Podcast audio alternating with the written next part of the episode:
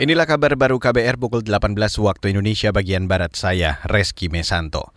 Saudara ahli hukum tata negara dari Fakultas Hukum Universitas Andalas, Ferry Amsari menilai revisi undang-undang tentang pembentukan peraturan perundang-undangan atau undang-undang PPP bertentangan dengan putusan Mahkamah Konstitusi atau MK. Sebab amar putusan MK memerintahkan perbaikan Undang-Undang Cipta Kerja bukan revisi Undang-Undang PPP. Ini disampaikan Ferry saat sidang uji materi undang-undang tersebut di MK hari ini. Kalau bertentangan dengan putusan Mahkamah Konstitusi, maka harus dibatalkan.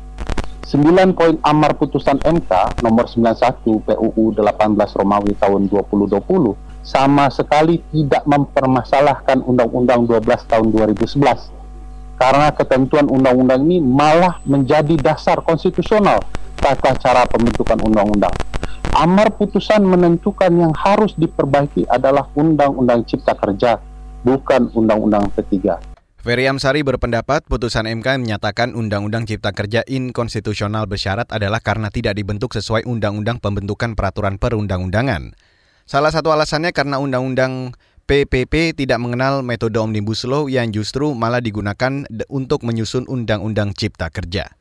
Beralih ke berita selanjutnya, Saudara. Ketua Umum Partai Demokrat Agus Harimurti Yudhoyono berjanji bakal mengangkat 500 ribu tenaga honorer menjadi pegawai negeri sipil atau PNS bila Demokrat memenangkan pemilu 2024. AHY mengklaim pada periode 2004 hingga 2014, pemerintahan Presiden Susilo Bambang Yudhoyono mengangkat 1 juta lebih tenaga honorer menjadi PNS. Ini ia sampaikan saat Rapimnas Partai Demokrat di Jakarta hari ini. Memberikan kritik yang membangun, ya, jadi kalau ada yang merasa, waduh kita ke oposisi nggak enak, jangan, jangan seperti itu. Memang sering kali merasa terisolasi, betul ya? Tetapi rakyat butuh saluran, butuh rumah, suara yang tidak sama persis dengan yang lainnya. Kita harus punya kehormatan dan merasa bangga justru memenangkan sebagai oposisi ini. Sepakat semuanya ya? Rapat Pimpinan Nasional atau Repimnas Partai Demokrat akan berlangsung hari ini hingga esok. Acara ini diikuti kurang lebih 3.000 kader.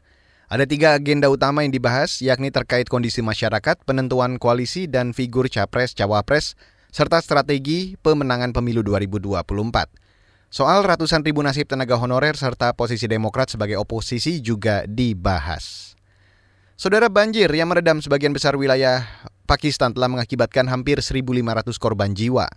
Otoritas tempat menyatakan terus meningkatkan jumlah bantuan kemanusiaan bagi jutaan warga terdampak banjir.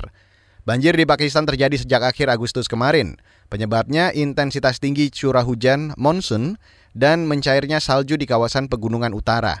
Banjir yang belum pernah terjadi sebelumnya itu menyapu rumah-rumah warga, kendaraan, tanaman, dan ternak. Kerugian banjir diperkirakan mencapai 30 miliar dolar Amerika atau sekitar 440-an triliun. Kementerian Luar Negeri Pakistan mengklaim bantuan dari Uni Emirat Arab dan Amerika Serikat tiba di Pakistan pada hari ini. Sementara PBB masih sibuk menaksir kebutuhan rekonstruksi Pakistan pasca banjir. Dan saudara, demikian kabar baru saya Reski Mesanto.